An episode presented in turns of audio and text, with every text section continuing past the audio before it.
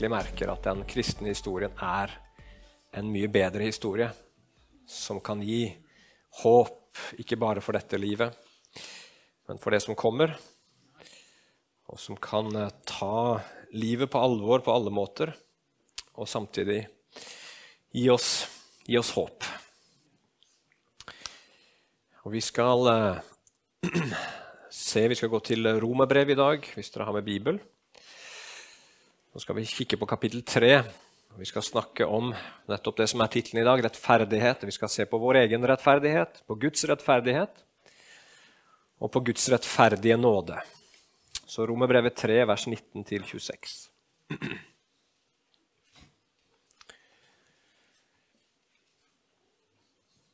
Der står det Vi vet at alt det loven sier, er sagt dem som har loven, for at hver munn skal tie og hele verden står skyldig for Gud. For ikke noe menneske blir rettferdig for Gud på grunn av gjerninger som loven krever. Ved loven lærer vi synden å kjenne. Men nå er Guds rettferdighet, som loven og profetene vitner om, blitt åpenbart uavhengig av loven. Dette er Guds rettferdighet som gis ved troen på Jesus Kristus til alle som tror. Her er det ingen forskjell, for alle har syndet og mangler Guds herlighet. Men ufortjent og av Hans nåde blir de kjent rettferdige, frikjøpt i Kristus Jesus. Ham har Gud stilt synlig fram for at han ved sitt blod skulle være soningsstedet for dem som tror. Slik viste Gud sin rettferdighet for han hadde tidligere i tålmodighet holdt tilbake straffen for de synder som var begått. Men i vår tid vil han vise sin rettferdighet ved at han selv er rettferdig, og at han kjenner den rettferdig som tror på Jesus. Ja, himmelske Far, Herre, vi, vi trenger ditt ord, Herre. Vi trenger å lytte til det, vi trenger å ta det til oss. Og vi takker deg for ditt ord er godt, Herre. Selv om det er skarpt i kantene ofte og utfordrer oss og ikke alltid stryker oss med hårene så er det så ufattelig godt allikevel. For det er sant. Det treffer oss der vi trenger det. Og så gir den oss et håp som er mye større enn det vi kunne forestilt oss. Så gir den oss en trygghet som er mye større enn det vi kan få til å skape for oss selv og, og, og menneskene rundt oss. Og så gir den oss en fred som overgår all forstand, sånn som ditt ord sier. Så Hellige Ånd, må du bare ta ordet nå og gjøre det levende for våre hjerter. Gjøre det til noe som kan eh, gjøre deg stor, Jesus, og som kan gi oss overflod med håp i dag. I Jesu navn. Amen. La oss si litt om, om, eh, vår rettferdighet. Dette er jo en tekst om rettferdighet, som dere la merke til. Ordet rettferdighet går igjen åtte ganger i teksten her. Og hva er rettferdighet? Rettferdighet handler jo først og fremst om likebehandling. Vi vil at alle skal uh, få, få, lik behandling, at det ikke skal være noe forskjellsbehandling. Og vi reagerer når det er forskjellsbehandling. Men rettferdighet betyr også, og det er spesielt i forhold til Bibelen, rett i forhold til moral, i forhold til etikk. Det motsatte av rettferdighet, det er urett. Så selv om du kanskje behandler alle likt, men behandler dem like dårlig, så er man ikke rettferdig. Så rettferdighet er likebehandling, og det er rett i forhold til det som er rett og galt. Rettferdighet har med rett og galt å gjøre. Og Vi mennesker er utrolig opptatt av rettferdighet. Det er noe som ligger dypt i oss som mennesker. Vi, vi reagerer når vi ser urett. Og vi reagerer spesielt hvis urett blir begått mot oss. Når det er liksom oss det går utover, så kjenner vi det.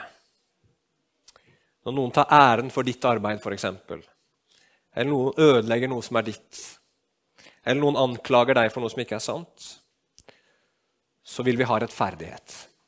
Og når vi ser mennesker som lider, når vi ser på TV at uh, krig og elendighet rammer mennesker som ikke har noe ansvar for det som har skjedd, sånn som vi ser i Ukraina, så kjenner vi i våre hjerter vi vil ha rettferdighet. Rettferdighet sitter dypt i våre hjerter. Og ikke nok med det, vi mennesker er veldig opptatt av oss selv å være rettferdige. Og man merker det best når vi blir anklaga. Hva gjør vi da når noen anklager oss, kanskje til og med med rette? Jo, da kommer vi med forsvar. Da kommer vi med unnskyldninger. Da kan det hende at vi angriper tilbake. Det var ikke min feil. Det var ikke sånn ment. Og du, da? Tror du at du er noe bedre? Fordi at vi vil være rettferdige. Vi må være rettferdige. Vi kjenner det at det er viktig å være et rettferdig og godt menneske. Og når vi gjør noe godt, så er vi veldig glade hvis andre ser det og legger merke til det. Vi liker å høre at vi har gjort noe godt, for da føler vi oss som gode personer. Vi skjønner at det er viktig å være god, det er viktig å være rettferdig.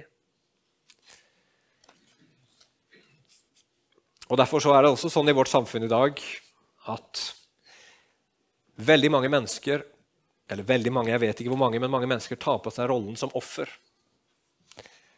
Man ønsker å være offeret.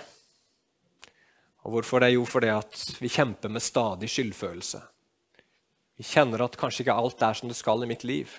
Men hvis man bare kan få lov til å være offeret, da vet man at man er uskyldig. For offeret kan ingen eh, holde ansvarlig for noe som helst. Vi kjenner at vi trenger å være rettferdige. Alle mennesker kjenner på det behovet for å være rettferdig.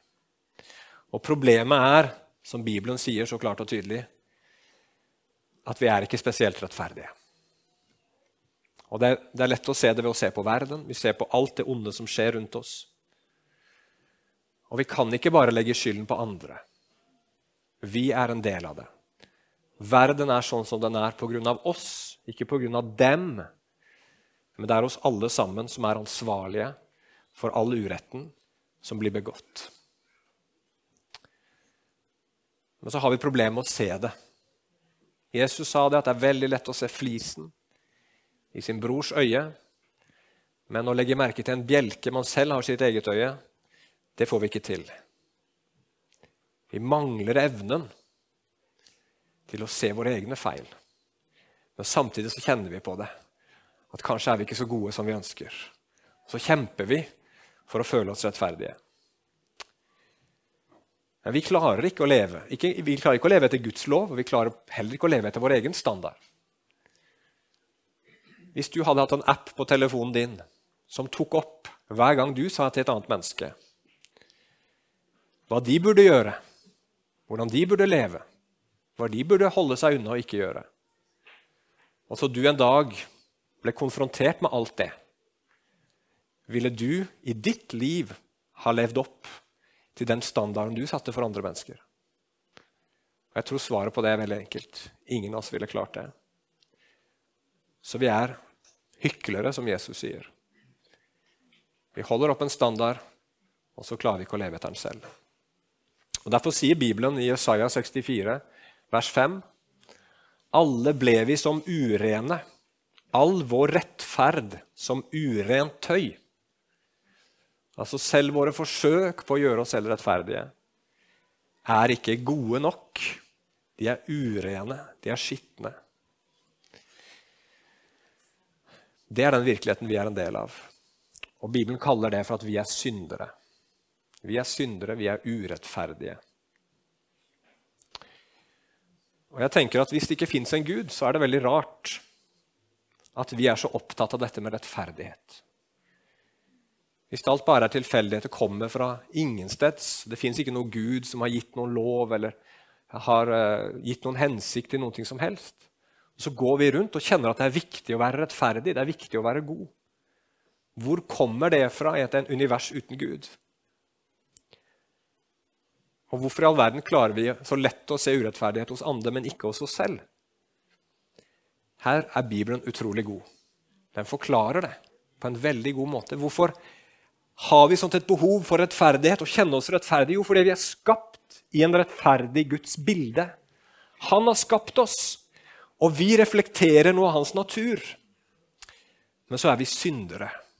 Vi er falne vesener. Og Derfor så klarer vi verken å leve opp til standarden eller innrømme hvor ille det står til med oss. Så vår rettferdighet den kommer til kort. Og så er det Guds rettferdighet. Og Gud han er fullkommen, og derfor er han også fullkomment rettferdig. Han er så fullkommen at standarden for rett og galt den ligger i Guds vesen, i den Gud er. Hvorfor er noe galt? Jo, for det er i strid med Guds rettferdige vesen.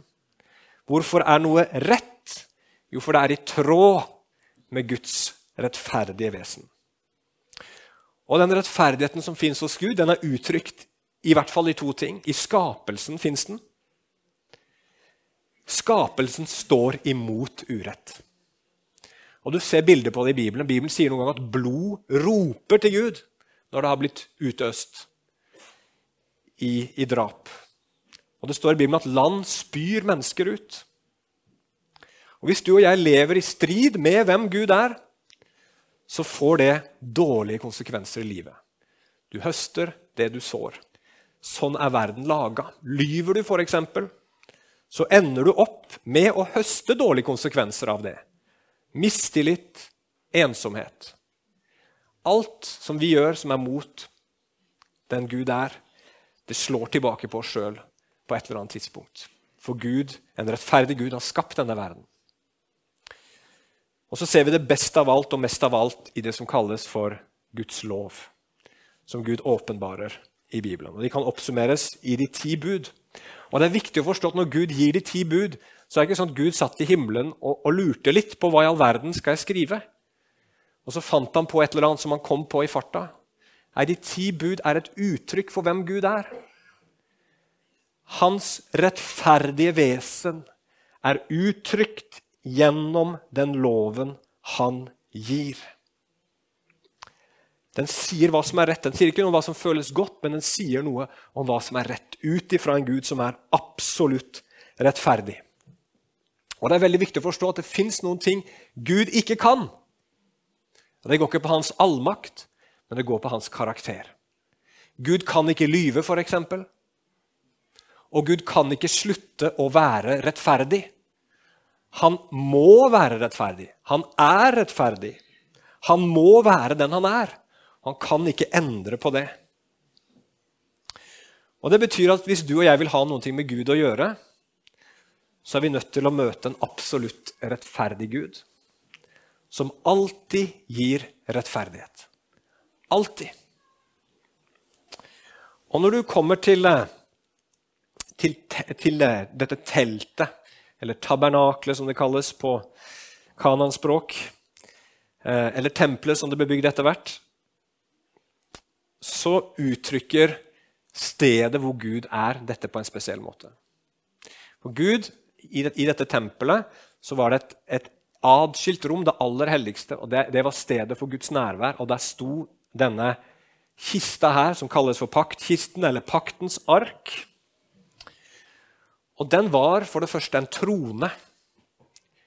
Det står i Det gamle testamentet at Gud troner over kjerubene. Og disse to englevesenene som du ser her, det er to kjeruber. Så Gud har sin trone som konge der inne. Og På den tiden så var konge også den øverste dommer. Så møte Gud, det forsto israelsfolket, det var å møte en konge som også var dommer. Og så lå det noe i den kista. Det lå to steintavler med de ti bud på. Som betyr at hvis du skal møte Gud, så kan du bare møte Gud over hans lov. I hans rettferdighet. Og den domstolen, den tronen, den var mange ting, men den var også det. Den sto inne i et avstengt rom. Og Det betydde at møtet med Guds rettferdighet var midlertidig utsatt. Sånn som vi leste i teksten i dag, at Gud bar over. Han venta med å dømme verden for dets synder. Så det var bare midlertidig. Men så sier Bibelen at en dag så kommer dommens dag. Og Det skal vi lese nå i Johannes' åpenbaring 20, vers 11-15. Og Der står det og jeg så en stor, hvit trone og ham som satt på den. Jord og himmel flyktet bort fra hans ansikt og var ikke lenger til. Og jeg så de døde, både store og små. De sto foran tronen, og bøker ble åpnet. Så ble en annen bok åpnet, Livets bok, og de døde ble dømt etter det som sto skrevet i bøkene, etter sine gjerninger. Havet ga fra seg de døde som var der, og døden og dødsriket ga fra seg de døde som var der. Og enhver ble dømt etter sine gjerninger. Så ble døden og dødsriket kastet i ildsjøen, og ildsjøen, det er den annen død. Om noen ikke var skrevet inn i livets bok, ble han kastet i ildsjøen. Dette her forteller om den dagen da Gud skal bringe fullkommen rettferdighet til jorda. Da vil alle urettmessige ulikheter jevnes ut. Alt som var urettferdig i dette livet, vil på den dagen der bli jevna ut, og alle lovbrudd blir straffa. Og vi kan være helt sikre på at det blir fullkommen rettferdighet på den dagen, fordi Gud er ikke bare fullkomment rettferdig i sin natur, men han er også allvitende. Han vet absolutt alt om alle mennesker til alle tider. Derfor er han i stand til å avsi en rettferdig dom for alle sammen. Og det er egentlig veldig veldig gode nyheter. For vi lengter her på jorda etter at rettferdigheten skal seire. Og Bibelen sier ja, rettferdigheten kommer til å seire når dommens dag kommer. Men så er det ett problem, og det leste vi her. At alle som blir dømt etter gjerningene sine, de blir dømt til ildsjøen. De går fortapt. Og da tenker vi med en gang hvordan i all verden kan det være rettferdig? Det var da voldsomt, Gud. Og Svaret på det spørsmålet er tror jeg, at vår aller største synd som mennesker det er å bryte Guds første bud. Du skal ikke ha andre guder enn meg. Istedenfor å holde det budet så har vi mennesker forkasta den sanne Gud. Og så har vi satt andre ting i plassen for ham. Og det som skjer på dommens dag, da, det er at Gud gir oss nøyaktig det vi ville ha. Ved at han sier til oss, 'Dere forkasta meg, da forkaster jeg også dere.' Så kan dere leve uten meg i all evighet. Ikke på en ondsinna eller eh, vond måte, men som en rettferdig konsekvens av det du og jeg har valgt når vi vendte ryggen til Gud. Og det som er saken, er at vi kunne stoppa der, og så ville Gud framstått som en fullkomment rettferdig Gud. Og rettferdigheten hadde seira. Alt var i orden. Man kunne ikke ha noen ting å utsette på Gud. Og det står, som vi leste i dagens tekst, at alle menneskers munn skal lukkes foran Gud. På den dagen så kommer alle mennesker til å anerkjenne at Gud, du var fullkomment rettferdig. Det skal være umulig å kunne si noe imot. For Gud han er virkelig rettferdig, og han kommer til å vise oss det på dommens dag. Men så er jeg ufattelig glad, og det vet jeg at dere er også, for at Gud er mer enn bare en rettferdig Gud. Han er absolutt rettferdig, ja, men han er mer. Og Jeg har lyst til å si litt til slutt om Guds rettferdige nåde. Og La oss gå til eh, andre Mosebok, kapittel 34, vers 6 og 7. Her møter vi et merkelig skriftsted. Et paradoks. Det begynner, litt, eh, det begynner veldig bra, og så blir det litt merkelig. Og dette her var det Gud sa til Moses da Moses ba om å få se Guds herlighet. Han ba om å få møte Gud. Og Så sier Gud, 'Nå skal jeg åpenbare meg for deg.' Og Gud åpenbarer seg for han, Han får ikke se han. Det er litt eh, komplisert, fordi ingen kan se Gud og leve. ikke sant? Så han må se baksiden av Gud idet han går forbi, osv. Men så idet Gud går forbi, så står det her at en, støm, en stemme ropte. Eller det var Gud som ropte det. Herren, Herren, en barmhjertig og nådig Gud, sen til vrede og rik på miskunn og sannhet. Han holder fast på sin miskunn i tusen slektsledd og tilgir synd, skyld og lovbrudd. Men han lar ikke den skyldige slippe straff. For fedrenes synd straffer han barn og barnebarn og tredje og fjerde slektsledd. Så her står det at Gud er veldig, veldig nådig men han er også en Gud som er veldig, veldig rettferdig. Og hvordan i verden går det an? Hvordan kan dette her på noen som helst måte henge sammen? Hvordan kan Gud si at han tilgir og samtidig straffer? Hvordan kan Gud være en sånn Gud? Og Sist gang når vi snakka om hvordan Gud renser oss og gjør oss rene, så fortalte jeg dere at i hjertet av Guds lov, i hjertet av Moseloven, så finnes det en bok. Fem bøker. Den midterste boka heter Tredje Mosebok. Og midt i Tredje Mosebok så står det om en dag som het Den store forsoningsdagen. Og Det var den dagen da all synd skulle gjøres opp for Israel. Alt som var igjen og til overs, skulle fjernes, og så skulle de få starte på nytt. Og På den store forsoningsdagen så tok de ut to bukker. Den ene snakka vi om sist gang. Den la de hendene på. Og Så bekjente de all Israels synd over denne bukken, og så ble den sendt ut i ødemarken. Den transporterte urenheten bort, sånn at israelsfolket kunne få være med en hellig Gud som ikke tåler urenhet. Men så er det den andre bukken han lovte at jeg skulle si det litt om i dag. Og Den har ikke med Guds hellighet å gjøre, men med Guds rettferdighet å gjøre. Og I tredje Mosebok så står at den skulle bli ofra som et syndoffer. Og Hvordan ofra man et syndoffer? Jo, et syndoffer var litt annerledes. Det la du hendene på, men du bekjente ikke noen synder over det. Du bare la hendene på det, eller presten la hendene på det på vegne av folket. Og Så måtte det dyret dø, og så ble dette blodet brakt inn i det aller helligste, på det stedet hvor Gud var, og så ble det stenka på dette lokket som lå oppå paktkista, der hvor Guds lov lå. Og Det er det Paulus snakker om i Romerne 3. Han snakker om at Jesus har blitt dette soningsstedet. Hva betyr det? Jo, når presten la hånda på denne bukken, så istedenfor at han overførte synd, så tror jeg heller at det fant sted en slags identifikasjon.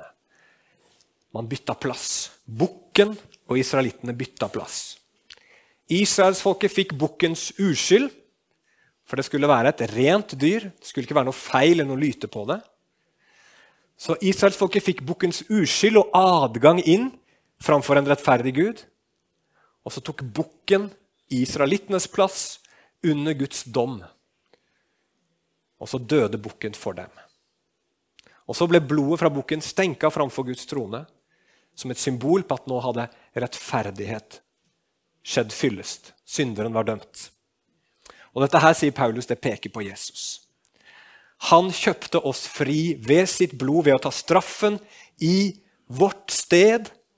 Han tok vår plass og så lot han oss få sin plass som Guds rettferdige barn. Og Dette her er faktisk litt kontroversielt i dag. For mange tenker ja, men hvorfor måtte Jesus dø? Hvorfor kunne ikke Gud bare tilgitt oss? Sånn som den gode faren gjør i historien om den fortapte sønn. Ikke sant? Den fortapte sønnen kommer hjem og, og, og, og, er lei seg. Han skjønner at han har gjort noe galt. Og så tilgir bare faren sønnen. Det, det, er ikke noe offer eller noe død som trenger å finne sted. Han bare tilgir. Hvorfor kan ikke Gud også bare gjøre det samme? Men Jeg tror ikke man tenker veldig veldig langt når man tenker over den historien der. For denne faren, når han tilga, så måtte han betale en pris. Halve arven var borte. Farens gode navn og rykte hadde helt sikkert fått vært skadelidende. Han hadde blitt forkasta av sønnen sin. Det medførte smerte, og han hadde sikkert bekymra seg mye. Og Alt dette her har sønnen påført han, og hvem skal kompensere for tapet? Jo, faren tar tapet selv. Det er det som skjer. Han tilgir, han tar tapet selv. Han krever ingenting av sønnen. Han tar tapet selv. Og når du og jeg ser på korset, så er det akkurat det vi ser. Når Gud, når Jesus dør, så er det Gud som velger å ta tapet selv. Han velger å ta konsekvensen selv. Han velger å betale prisen selv. Gud, Jesus Kristus, Guds sønn, tar synderes plass, står i vårt sted.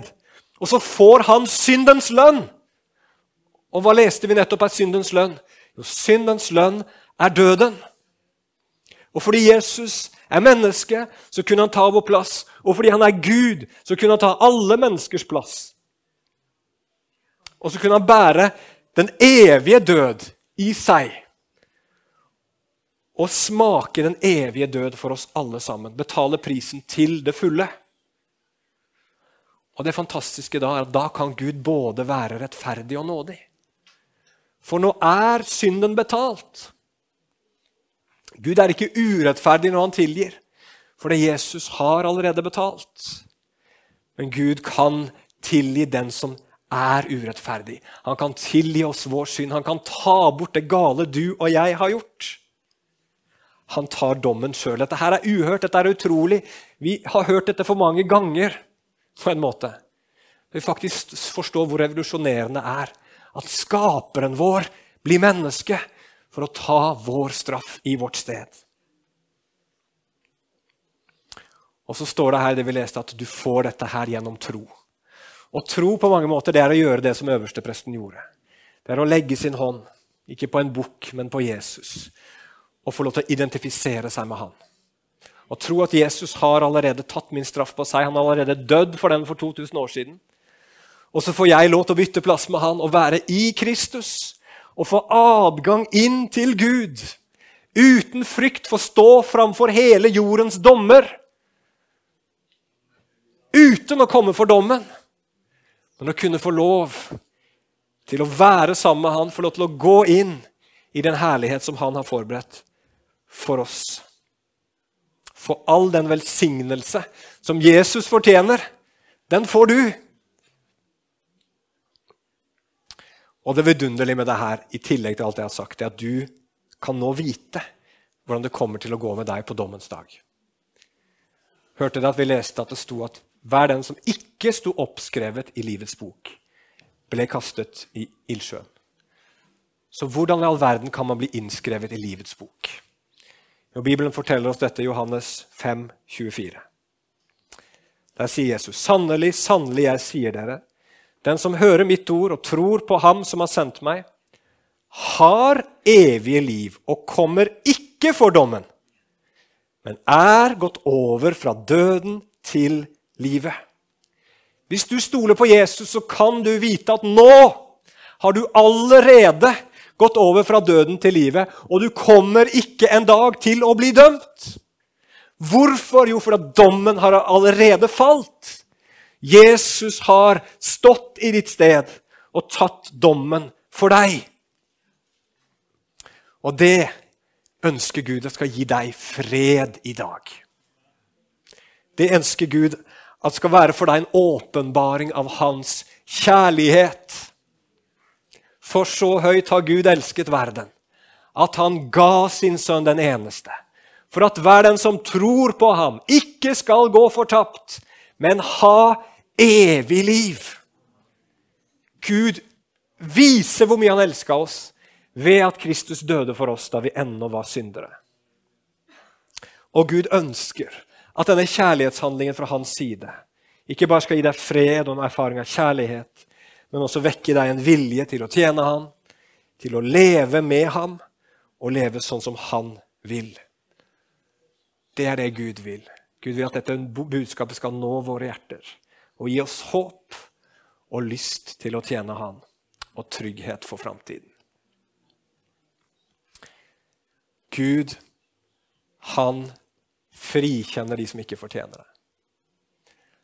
Han frikjenner syndere.